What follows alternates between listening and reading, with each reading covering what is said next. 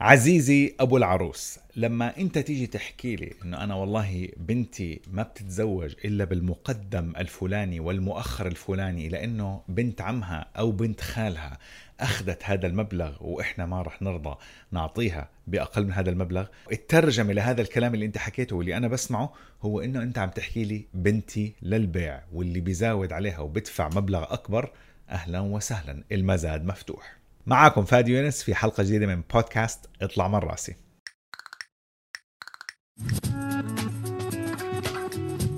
غبت عنكم شوي ورجعت الآن لأني كنت على سفر. بعتذر عن التأخير بإني أنزل الحلقات ولكن إن شاء الله الآن هينا رجعنا وموجودين وإن شاء الله بنكمل بالحلقات. الحلقة هاي عم نحكي قاعدين على موضوع حساس جدا دارج جدا في الثقافة العربية موضوع المغالاة في المهور. سواء كانت في المقدم أو المؤخر الصداق تبع العروس.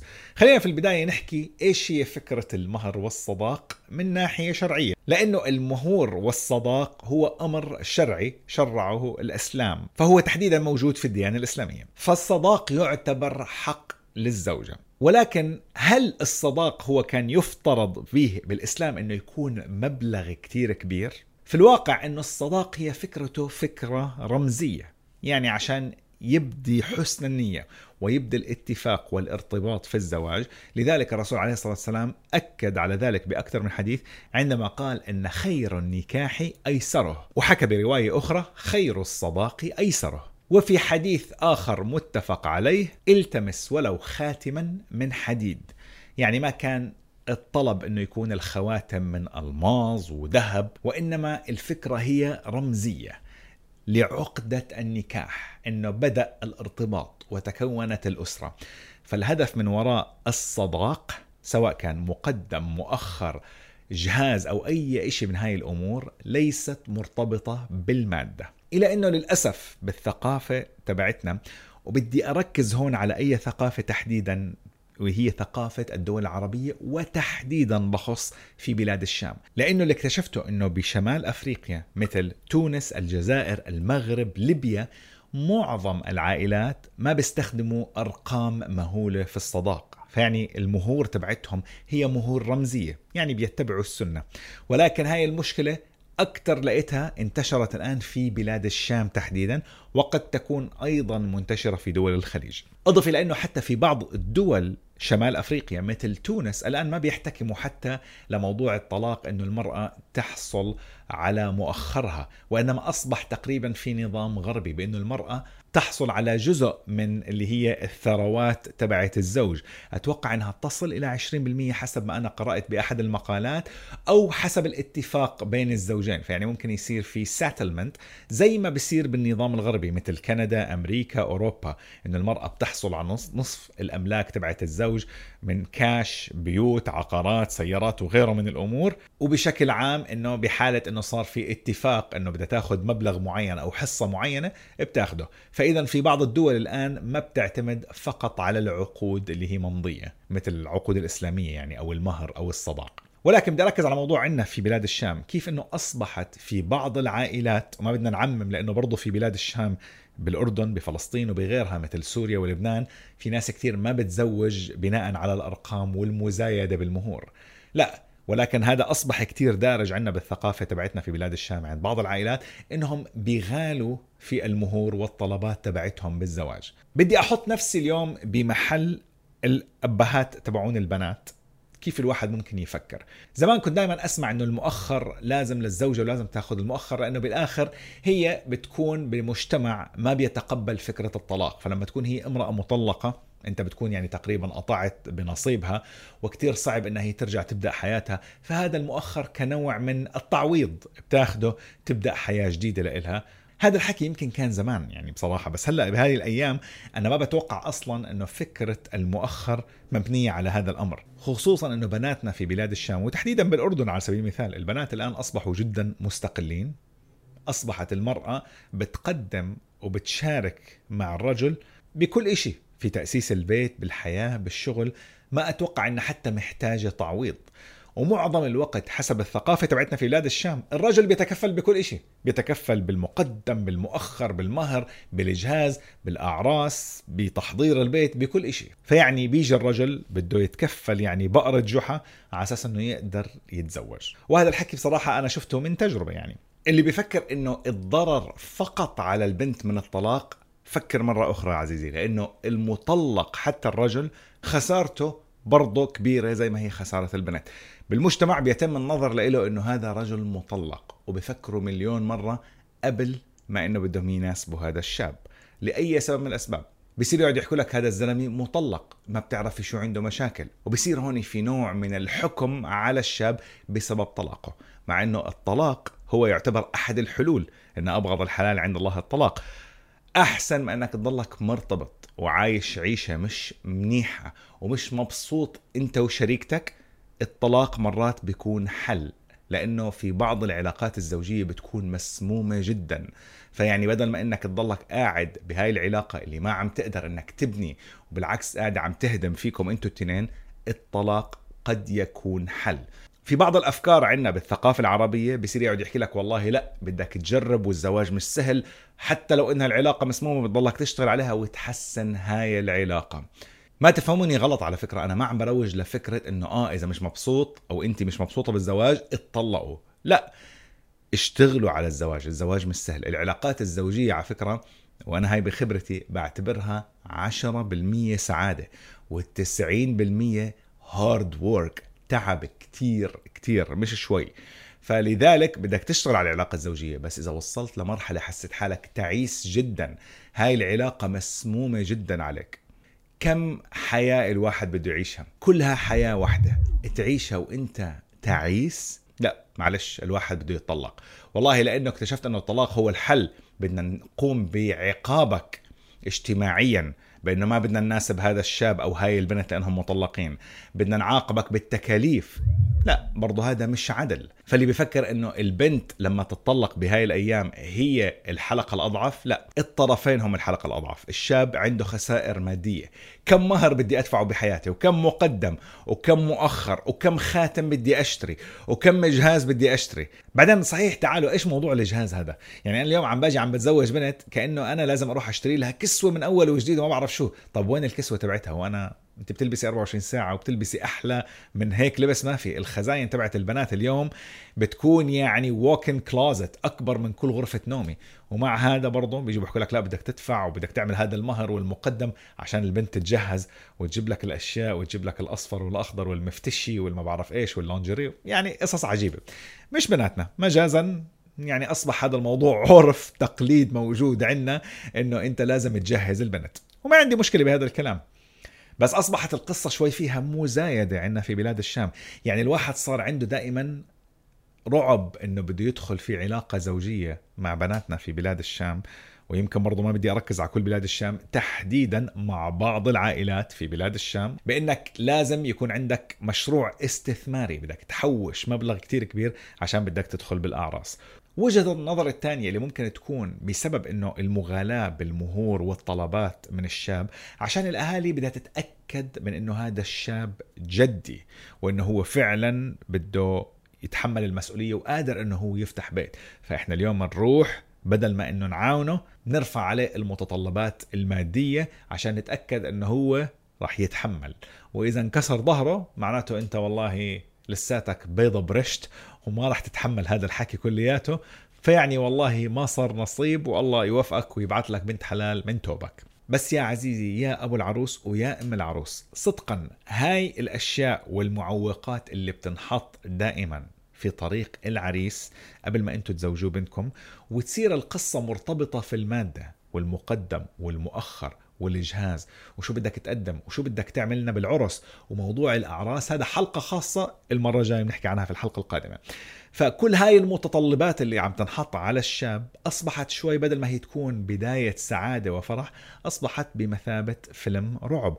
خصوصا لشاب مثلي وكتير هذا الحكي منتشر عندنا في بلادنا إنه الشاب أهله ما تركوا له مبالغ. فيعني أنا والدي الله يرحمه توفى ما ترك لي ميراث ما ترك لي عقارات ما ترك لي إنه هو والله بده يتكفل بزواجي ويزوجني ويعمل لي كل هذا الأمور.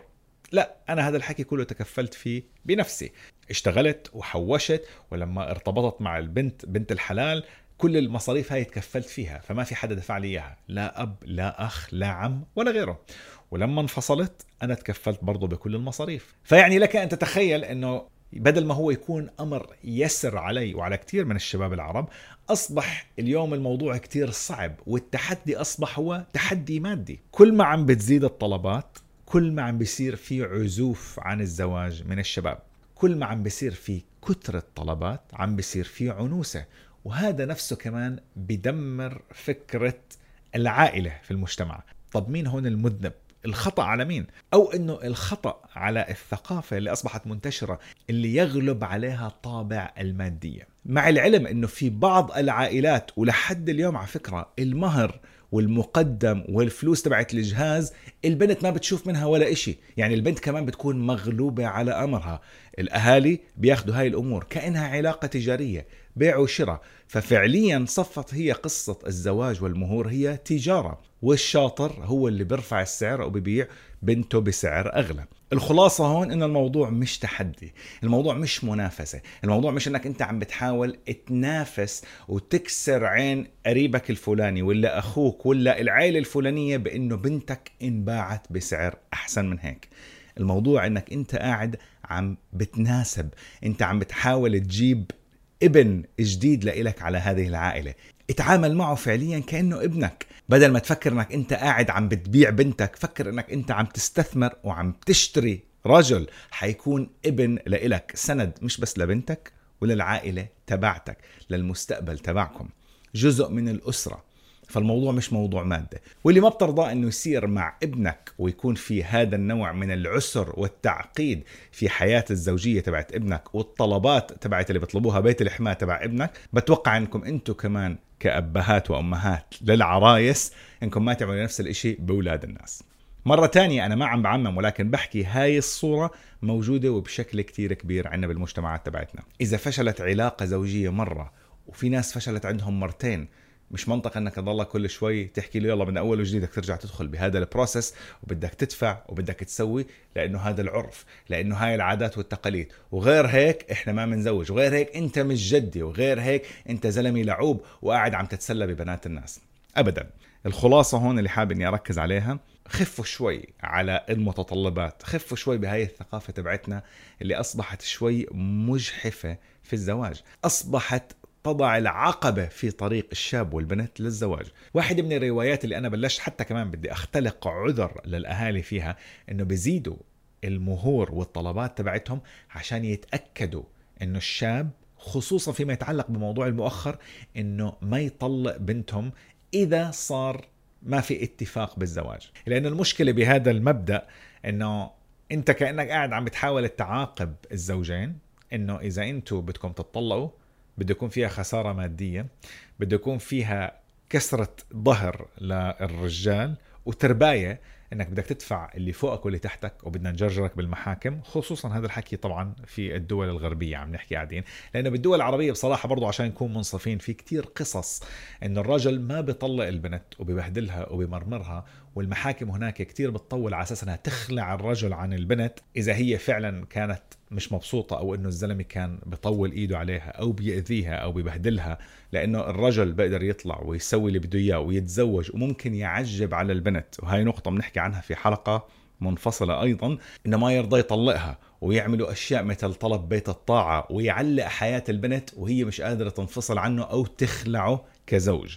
فهذا الحكي مفهوم وهذا الحكي بالعكس أنا بقدر بعتبره هذا إجحاف بحق المرأة. برضه بدنا نكون برضه منصفين. الهدف من هذا النقاش اللي أنا عم بحكي عنه مش إنه إحنا والله نعلق ولا نجلد بالبنات وأهاليهم لأنه بنفس الوقت المجتمع العربي عندنا مجتمع ذكوري بحت فبصيروا يتعاملوا دائما مع فكرة الزواج بإنها تكسير راس. وقد يكون المنطق اللي أنا بحكي فيه على فكرة هو مبني على المنطق تبع الدول الغربية لأنه أنا عم بتعامل مع المرأة بمساواة.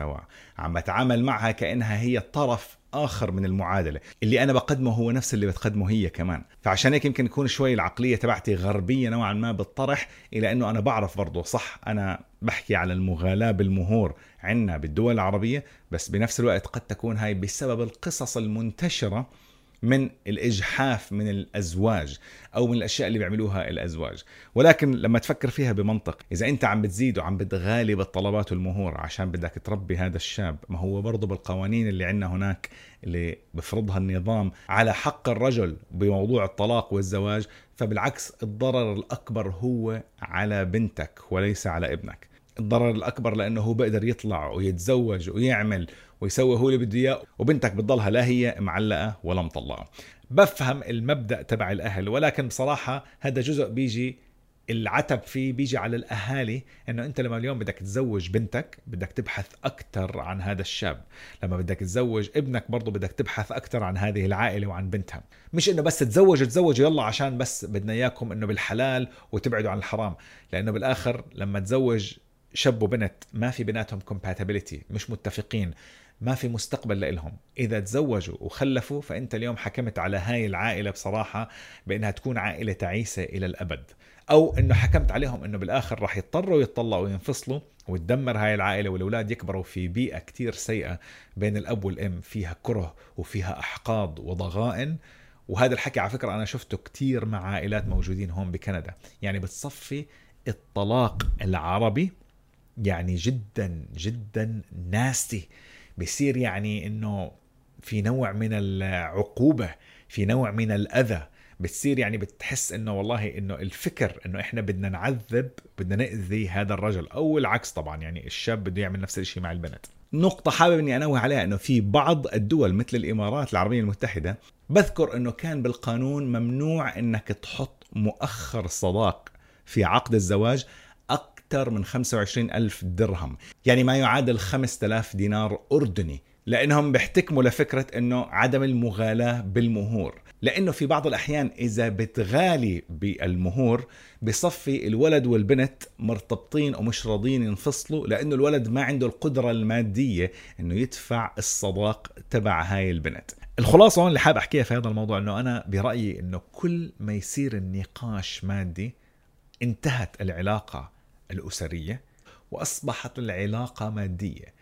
لحظة ما يتم التركيز على المبلغ المطلوب وإنه بنتي ما بتطلع من البيت من غير ما تاخذ هذا المهر زي بنت خالها ولا زي بنت عمها ولا ما بدها تطلع إلا لما يكون في هذا المؤخر. وهي الطلبات اللي هي مرتبطة بالمادة اللي كتير منتشرة عندنا بالثقافة تبعت بعض العائلات في بلاد الشام أصبحت العلاقة مش علاقة أسرية ولا زوجية. بطل في لا ود ولا تراحم بين هدول الناس أصبحت العلاقة مادية بحتة. لذلك بتذكر عملت سابقا فيديو عندي على قناة اليوتيوب على الزواج في كندا. راح أترك لكم الرابط في صندوق التعليقات للناس اللي مهتمة إنها تحضر هذا الفيديو. يعني أنا هلأ اليوم عم بحكي هيك بشكل عام بس بحب إني أسمع آرائكم. هل أنتم بتتفقوا بأنه في مغالاة كتير بهاي المهور؟ إنه هو الشاب اللي لازم يتكفل ويدفع كل هاي الأمور من مهور ومقدم ومؤخر. صحيح إنه القوامة للرجل هي قوامة مادية ولكن بهاي الأيام الشاب والبنت إلهم نفس القوامة. الشاب والبنت في هذه الأيام عندهم نفس القدرة. التنين بيشتغلوا التنين أحرار مستقلين. ببنوا بيفتحوا بيت وبيصرفوا وبيشاركوا بكل إشي. بيشتروا البيوت مع بعض بيشتروا السيارات مع بعض. بس ليش دائما يكون النظرة إنه إنه هو للشاب اللي لازم يدفع الأكثر ولكن بنفس الوقت هون بتصير الازدواجية خصوصا في هذه الأيام بتشوف إنه البنت بدها تلتزم على سبيل المثال والأهل تبعون البنت بدهم يلتزموا في القوامة تبعت الرجل إنه هو يتكفل بكل المصاريف بس بنفس الوقت البنت بدها تكون مستقلة بدها تعمل اللي هي بدها إياه ما بدها تكون عندها حتى التزامات دينيه أو التزامات من أي شيء من هذا القبيل. ما بتعرف شيء عن الدين الإسلامي وهذا الحكي منتشر كتير بأمريكا الشمالية بس بنفس الوقت لما بدها تتزوج بالطريقة العربية أو بالطريقة الإسلامية الشاب بده يتكفل بكل شيء لأنك أنت الرجل ولما بده يصير الطلاق أنت بدك تدفع كل شيء ولما بدها تعيش معك بدها تعيش معك برضه باستقلالية. أنا حرة أنت ما بتقدر تعمل هيك أنا مستقلة أم اندبندنت أنت ما إلك علي وهذا الكلام. وهذا موضوع الاستقلالية تبعت البنت المسلمة العربية هو سلاح ذو حدين أنا بوجهة نظري. لأنه أنا اليوم لما أنا بفكر أني أنا أرتبط مع بنت عربية مسلمة بحب أرتبط معها لسببين أساسيين هو الثقافة العربية والثقافة الإسلامية. على أساس لما أنا بدي أكون أسرة معك بده يكون عندي أولاد أنا وياكي بعرف إنه أمهم راح تكون مسلمة راح تعلمهم عندها ارتباط بالدين. بس إذا البنت مستقلة اندبندنت وهي كمان كتير متحررة كل هاي الأمور وما عندها ارتباط ديني وبنفس الوقت ما بدها حتى إنه تعلم الأولاد أو إنها مثلا تركت لك أنت الموضوع إنك أنت تعلم الأولاد هذا الأمور. وبدك كمان تتزوجني بالطريقة الإسلامية وأنت بدك تكون لك القوامة. أنت بدك تدفع المهر وبدك تعمل الجهاز وبدك تتكفل بالعرس وبدك تفتح البيت وبدك تعمل كل شيء وأنا مستقلة وعندي شغلي وعندي فلوسي وأنت ما لك دخل بفلوسي. ولما يجي الطلاق بدك تدفع كمان المؤخر. وبنفس الوقت أنا ما بتفرض علي الدين وما بتفرض علي هاي الأمور كلياتها. أنا حرة أنا مستقلة بنفسي. وين الأدفانتج. وين الحسنة بإني أنا أتزوج بنت عربية مسلمة؟ مش الأفضل لي إني أروح أتزوج وحدة بنت غربية مش مسلمة مستقلة برضه كمان. وبنفس الوقت بعرف إنها هي راح تشارك معي وتدفع نص التكاليف لأنه الثقافة هون بتفرض هيك. صديق لإلي على فكرة من أمريكا الشمالية وتحديدا بأمريكا يعني لما تزوج من قبل كم من سنة بذكر أنه تناقشنا بهذا الموضوع. لما إجا وقت الزواج حكى لأبو البنت البنت مو عربية البنت لاتينية. فلما اجى وقت موضوع إنه التكاليف العرس وهذا موضوع تكاليف العرس رح نحكي عنه قلنا بحلقة لحاله حكى للأب قال له يا عمي أنا هاي الميزانية تبعتي.